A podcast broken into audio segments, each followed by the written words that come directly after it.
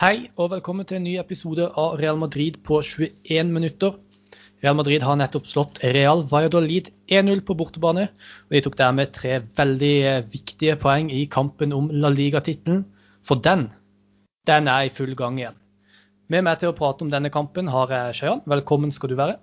Tusen takk for det. Uh, og vi kan jo begynne bare litt, uh, litt med inngangen til denne kampen her. fordi at det var jo en bortekamp mot Real Valladolid høres jo i utgangspunktet ikke veldig spennende ut. Eh, men altså Det er en del ting som har skjedd i forkant av denne kampen. her. Kan du ikke bare prate, prate litt om hva som, hva som, har skjedd?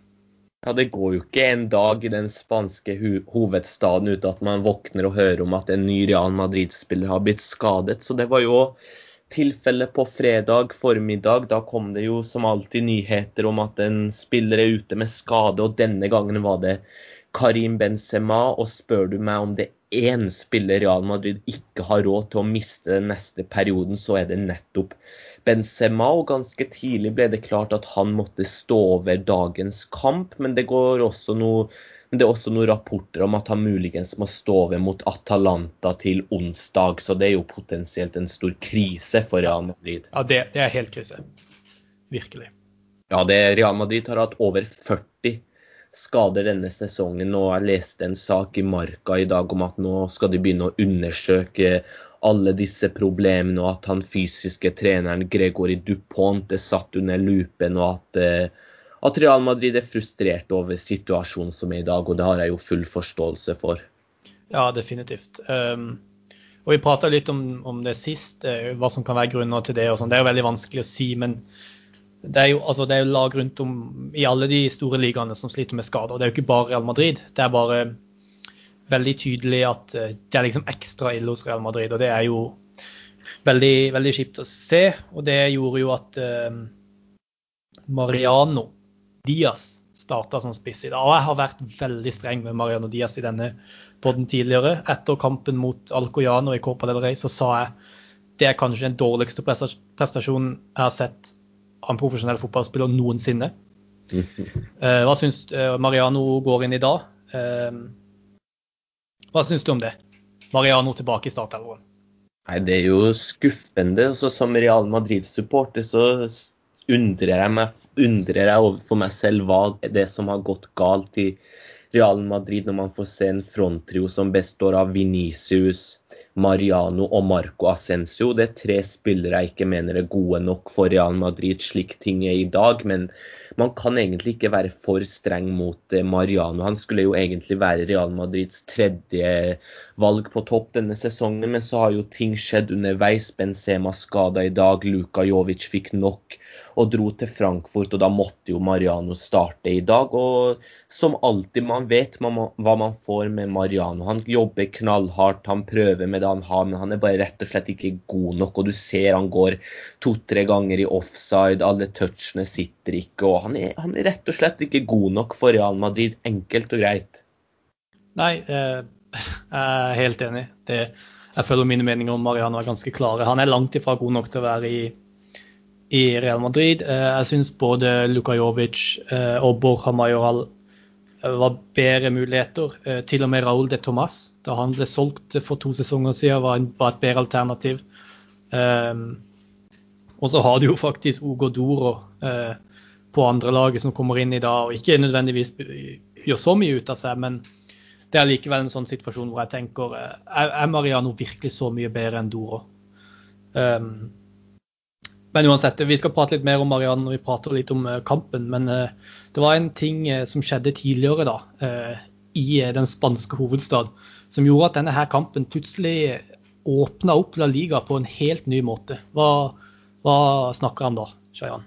Ja, det er jo Levante. da. De er jo i ferd med å levere en veldig bra sesong. De slo jo Real Madrid tidligere, og i dag så overraska de alt og alle og tok med seg tre poeng hjem fra Wanda Metropolitano. Vant 2-0 mot Atletico Madrid, og nå er det jo high liga, som de sier i Spania. Nå er det virkelig tittelreise åpna seg opp igjen. Atletico ja. har bare én seier på de fire siste kampene sine, mens Real Madrid nå står med fire seire på rad. Barca har vel syv seire på rad, om ikke jeg tar helt feil. Og per dags dato så er Atletico Madrid bare tre poeng over Real Madrid med én kamp mindre spilt. Men eh, tittelracet det lever nå for Atletico Madrid har begynt å vise tegn på svakhet.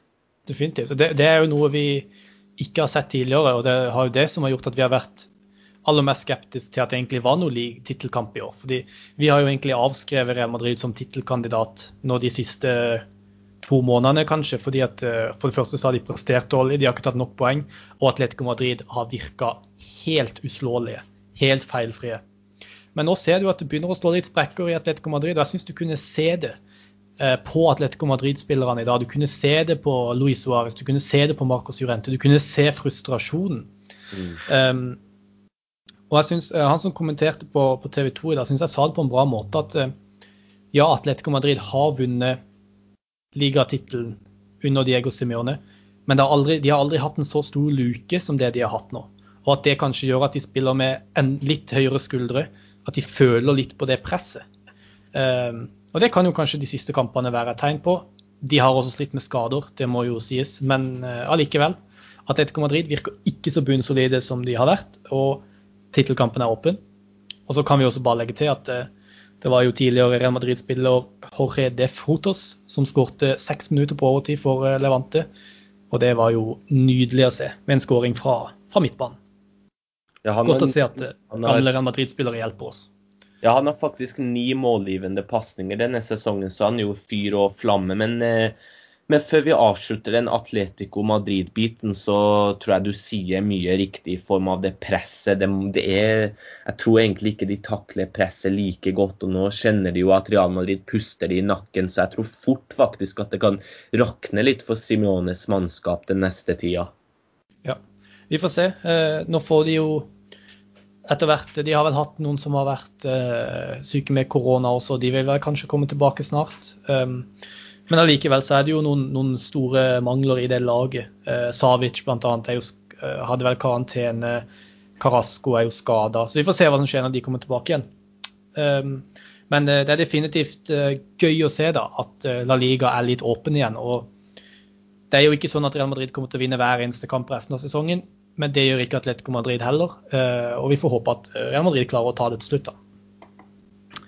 Men skal vi prate om kampen, da. Det var jo egentlig derfor vi er her. Men jeg syns det var viktig å prate litt om disse, disse tingene også, Benzema og ligasituasjonen. For det gjør jo denne kampen eh, litt viktigere da, enn kanskje sånn som det virka i utgangspunktet med en litt sånn Det skal være en enkel bortekamp mot Real Valladolid, men skadeproblemene, eh, tabellsituasjonen, alt det gjør at denne her kampen kanskje er litt viktigere enn det han virka. For Real Madrid har altså på benken skal vi bare se om jeg har den eh, lista her. De har altså Av førstelagsspillere så har de Andrej Lunin og Isco. Og det er det. Resten er Real Madrid Castilla-spillere. Vi har prata nok om skadeproblemene, men det sier litt om hvor tynt det er.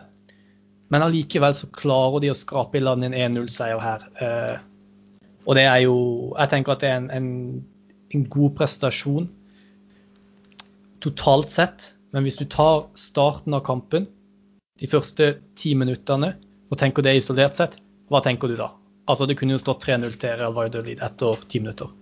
Altså en, en, de, en, stor del av hjertet mitt har jo egentlig lyst til å slakte det Real Madrid leverte i kveld. For jeg syns fortsatt at de prestasjonsmessige langt unna å levere det et lag som Real Madrid bør levere mot et av ligaens dårligste lag. Valladolid ligger jo på 19.-plass i La Liga og bare én seier på de ti siste kampene sine. Men likevel så måtte Real Madrid slite for å ta tre poeng, og nok en gang ble Courtois avgjørende. Men for å nyansere det litt, så syns jeg også det er egentlig litt imponerende at Real Madrid tar med seg tre poeng herfra. For at du sier det jo selv, de har bare Isco som er den eneste utespilleren fra A-laget på benken. Ellers er det bare, stall, ellers er det bare um, Castillas spillere. Og det at Real Madrid nå har tatt fire seire på rad med alle de skadefraværende, det syns jeg er veldig imponerende. Og det tror jeg gir dem veldig mye selvtillit. Det skal, det skal ikke undervurderes.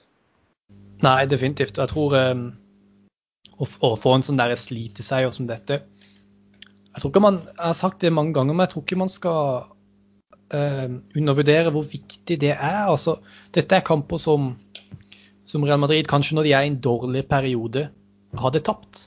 Eller iallfall gått på poengtap. Og det å liksom få den godfølelsen med seg inn Nå har de fire, kamp, fire seire på rad i La Liga. Ta med seg det inn uh, til bortekampen mot Atalanta på onsdag. Sånne ting er viktig. Men eh, vi kan jo prate litt om eh, målskårer Casemiro. Alle gode ting er tre. Er det ikke sånn? Og, he og, helt ærlig, hvor mange ganger har vi ikke sett Casemiro gjøre akkurat det? Han har fem mål i La Liga denne sesongen. Jeg føler at det der er en historie jeg bare ser on repeat hele tida. Real Madrid sliter, supporterne er drittlei av den fotballen som spilles. Det er en jevn og slitekamp. Real Madrid får dødball. Cross slår den inn. Casemiro nikker Real Madrid i ledelsen og avgjør kampen. Det føler jeg at jeg har sett ganske så mange ganger. Ja, ja det har liksom blitt eh, Casemiro spesial, det å dukke opp når Real Madrid trenger det som mest, og stange en ball i mål. Eh, men i dag så har han jo faktisk tre forsøk. Uh, det var, han endte opp med å gå i mål til slutt, men uh, han burde jo stå på hat trick i dag. Og jeg syns uh, man kan si mye om Valladolid og hvordan de forsvarte seg i dag, men akkurat hvordan de markerte Casemiro på dødball, og hvordan de kom fram til ideen at eh, han, skal, altså han Bruno som, eh, som, som, hadde fått i oppgave å markere Casemiro, han var jo helt på tur. Hadde mm. ikke sjanse i det hele tatt til å følge Casemiro. Og at ikke det ble gjort noen endringer der etter hvert, det kan ikke jeg forstå. Nei, det er helt utrolig. Ja, eh, altså som sagt, Casemiro burde stått på hat trick i dag. Eh, det var vel slut, i slutten av første omgang at han fikk en heading på 11 meter som han hadde ganske langt utenfor. Nesten helt lik situasjon tidligere i, i andre omgang. Og så syns jeg jo egentlig han skårte på den vanskeligste. For da hadde han jo faktisk en, en forsvarsspiller å slå i hodeduell. Mm, det var en bra heading. Ja, definitivt. Uh, ned i bakken, vanskelig for keeper å, å komme ned. Uh, en klassisk Casemiro-skåring. Men vi har prata en del om dette her før, men jeg syns allikevel det er en veldig interessant ting å prate om. Dette med at det, det er ikke angrepsspillerne til Real Madrid som avgjør kamper akkurat nå. Eh, Karim Benzema gjør det jo, men han er ute. Eh, og når ikke han gjør det, så er det Casemiro som må til. Det er kanskje en, en Tony Cross-skåring en, en, gang iblant, eller, eller Luka Modric kan bidra med noen skåringer. Tidligere i sesongen så var det Federico Valverde som bidro med mye mål, og forrige sesong så var det Sergio Ramos også. Er det en styrke.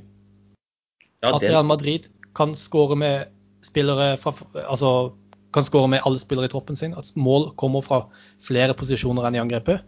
Eller er det en svekkelse at angrepet ikke er godt nok, og at uh, midtbanespillerne må bidra med mål istedenfor?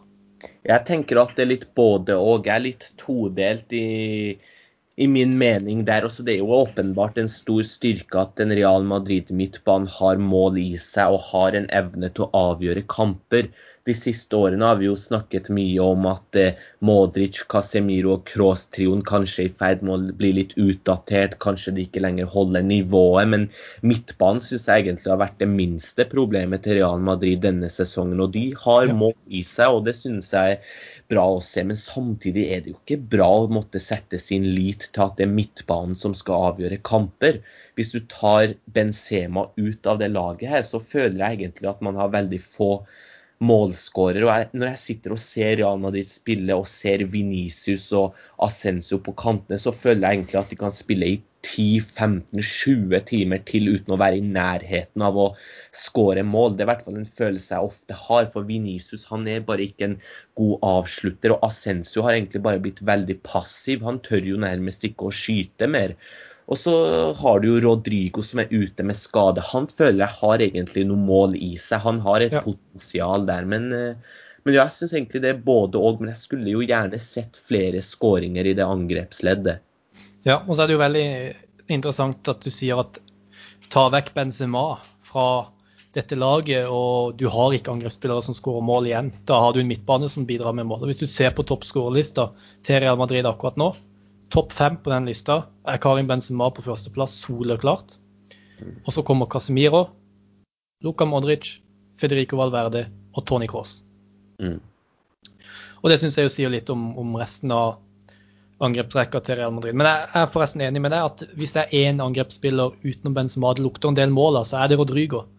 Uh, og så er det jo veldig synd da at han er ute så lenge som han er. Ja, Eh, han Real Madrid, ja, er tilbake snart, da, heldigvis. Og det blir jo Heldigvis. faktisk en forsterkning. Og så tror jeg eh, Real Madrids beste angrepsrekke i mine øyne, kan godt være at noen er uenig med meg, det er Hazard, Benzema og Rodrigo. Helt enig. Eh, og så får vi jo håpe at den klarer å holde seg skadefri eh, i de viktige kampene mot, av, mot slutten av sesongen. Da. Det er jo bare å krysse fingrene for det, uansett hvor urealistisk det må virke. Men eh, Real Madrid tar jo 1-0-ledelse. Eh, det er ca. 25 minutter igjen av kampen. Og jeg syns iallfall at Real Madrid gjør en vanvittig god jobb eh, de siste 25 minuttene med å kontrollere den seieren i land. De gir eh, knapt fra seg ballen. De tar sånne tactical fouls der det er riktig å ta tactical fouls. Lucas Vasquez får jo et gult kort. Lager frispark der det er riktig. Varan og Nacho blir rett og slett vanvittig gode i den perioden. Eh, hva tenker du om det? Er, er du like imponert eh, som meg over, over det, eller? Jeg vet ikke om imponert er det riktige ordet å bruke, men altså de gjør en god jobb. Men det er jo ikke noe mer enn det bør være. Det forventer jeg. Den jobben forventer jeg at de gjør. Når de ikke har så mye å stille opp med offensivt, så bør de i hvert fall være solide bakover. Og det har de egentlig vært nå i det siste. De har faktisk holdt nullen de tre siste kampene. Og så synes jeg det er flott å se Nacho i den formen han er. Han gjør faktisk savnet av Ramos mye mindre enn det man skulle tro. Real Madrid har riktignok møtt veldig begrensa motstand i de, kamp, i de siste kampene, nå, men jeg syns at han i kveld flere ganger har avgjørende klareringer. Du har et par småskumle innlegg som kommer fra Valladolid, men Nacho er alltid bra posisjonert og får alltid huet på ballen. Så en god prestasjon av han og Forsvaret i kveld. Ja, du har nok rett når du sier at dette her er noe vi kan, eh, burde kunne forvente av Real Madrid. Eh, Men jeg tror bare det har noe å gjøre med at Real Madrid virker ganske shaky bakover ved flere anledninger i resten av kampen. Og når liksom de klarte å stenge det ute de siste 25 minuttene etter de tok ledelsen, så er det kanskje litt den følelsen man sitter igjen med, da. Ja. Men eh, Real Madrid, som jeg sa, Real Madrid, denne seieren kan være veldig viktig for at Real Madrid går inn i det som vil bli en enormt viktig eh, periode nå på ja, omtrent eh, to uker. Først er det Atalanta i Champions League på onsdag. På bortebane, ikke minst. Eh, tøft bortoppgjør. Så møter de Real Sociedad i La Liga, og så er det El Derby Madrileño mot Atletico Madrid. Hva tenker du? Hvordan kommer Real Madrid ut av denne toukersperioden? Mm, Det høres kanskje litt dramatisk ut, men eh, den følelsen jeg sitter med nå, at de tre neste kampene kommer til å avgjøre Real Madrids sesong, eh, mener jeg faktisk oppriktig. For at eh, Først og fremst har det en veldig tøff bortekamp i åttendelsfinalen mot Atalanta. Det er et lag som har variert denne sesongen, men de er fantastisk gode offensivt. Det er vel bare Inter som skårer mer enn eh, Atalanta i Serie A, og de, har, de kriger om en Champions League-plass. Ligger riktignok på syvendeplass i Serie A, men er kun tre poeng bak Roma på tredjeplass. og Det er et godt lag Real Madrid møter, så de må sikre seg et godt utgangspunkt i, i den bortekampen. Og så kommer jo to tøffe kamper mot godt mot, mot bra motstand i La Liga i, i Real Sociedad og Atletico Madrid. Altså, vi får se hva det laget her er lagd av i de tre neste kampene. Ja, eh, og det er litt interessant at du sier at Real Madrids sesong kan avgjøres eh, denne, eh, de neste to ukene. Men det er jo faktisk ganske sant, for hvis Real Madrid taper mot Atletico Madrid, så er vi nok tilbake til å si at ligaen er avgjort. Det er en sånn typisk sekspoengskamp. Eh, hvor hvis Real Madrid vinner, så de eh, Så ligger de kun Så er de jo A-poeng med Atletico Madrid. Hvis de taper, så står de, og, og, og Atletico Madrid tar tre poeng, som vil si at det er en sekspoengs forskjell der mellom resultatene. Eh, hvis de taper den, så kan det være at La Liga er tapt. Eh, går, får de et skikkelig dårlig utgangspunkt mot Atalanta, så kan det være at de ryker. Og jeg føler at vi er i en sånn situasjon som dette her hver eneste sesong. I fjor så var det den uka hvor de møtte Barcelona i, i La Liga, og så var det Manchester City i Champions League. Sesongen før så var det to oppgjør mot Barcelona. Ett i La Liga og ett i Copa del Rey, før de møtte Ajax i Champions League. Eh, I fjor gikk det bra. Sesongen før gikk det dårlig. Så jeg har bare lyst til å stille deg litt sånn Stille deg det vanskelige spørsmålet nå. Eh, kommer Real Madrid godt ut av dette her? Kommer Real Madrid ut av disse to ukene eh, som seiersherrer?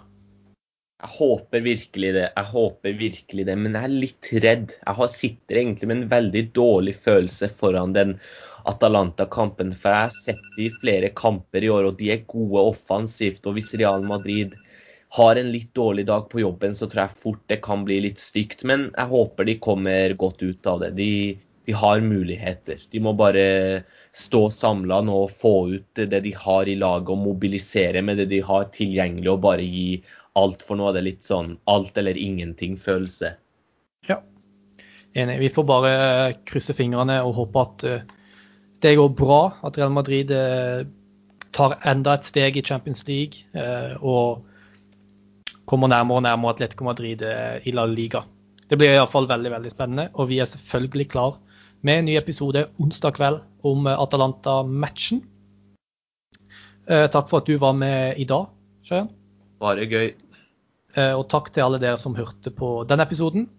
Og så høres vi igjen på onsdag. Og til neste gang, à la Madrid. La Madrid.